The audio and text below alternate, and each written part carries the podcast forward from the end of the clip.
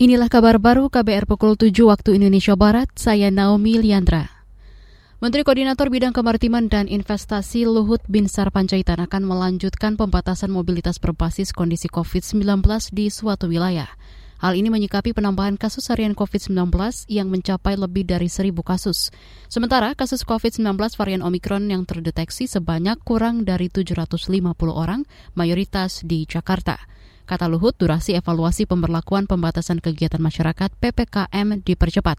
Dari semula per dua pekan menjadi per satu pekan. Hal ini mempertimbangkan karakteristik virus yang cepat menular dan tingginya mobilitas, khususnya di Jawa, Bali.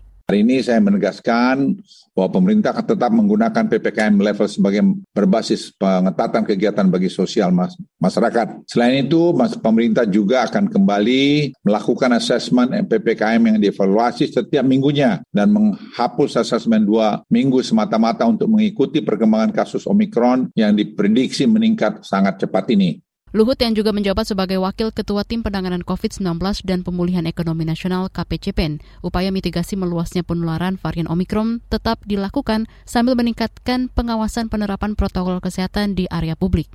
Dia memastikan kemampuan rumah sakit telah mumpuni untuk menghadapi potensi puncak kenaikan kasus corona yang diprediksi terjadi pada pertengahan Februari hingga Maret mendatang. Menteri Koordinator Bidang Pembangunan Manusia dan Kebudayaan Menko PMK Muhajir Effendi menginstruksikan Bupati Pandeglang menyiapkan tenda darurat untuk kegiatan belajar siswa sementara. Diketahui gempa mengakibatkan lebih dari 30 unit gedung sekolah rusak akibat gempa bermagnitudo 6,6 Jumat lalu.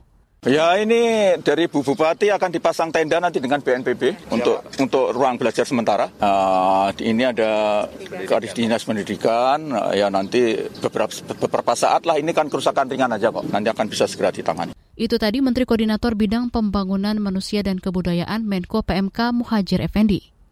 Badan Penanggulangan Bencana Daerah BPBD Kabupaten Pandeglang mencatat rumah warga yang mengalami kerusakan akibat gempa terus bertambah. Hingga minggu siang tercatat sebanyak hampir 2.000 rumah mengalami kerusakan. Dengan rincian kategori rusak ringan lebih dari 1.000 unit, rusak sedang kurang dari 500 unit, dan rusak berat lebih dari 300 unit.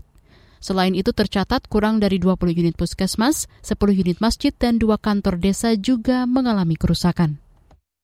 Saudara, negara-negara di Pasifik dan Badan Bantuan Internasional mulai berkoordinasi membantu Tonga yang saat ini mengalami bencana tsunami akibat letusan gunung api bawah laut pada Sabtu 15 Januari.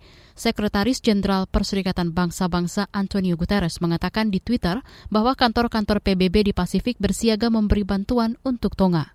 Mengutip CNN, bencana itu telah membuat listrik padam dan memutus jalur komunikasi di negara kepulauan itu. Sejauh ini, Tonga yang seperti terisolasi belum mengeluarkan pernyataan resmi terkait dampak bencana dan jumlah korban. Pesawat Angkatan Udara Selandia Baru P-3 Orion telah lepas landas dari Auckland pada minggu untuk membantu memonitor dampak bencana. Sementara Palang Merah mengatakan sedang memobilisasi jaringan regionalnya untuk merespon apa yang mereka katakan sebagai letusan gunung api terburuk yang dialami Pasifik selama beberapa dekade terakhir. Demikian kabar baru KBR. Saya Naomi Liandra.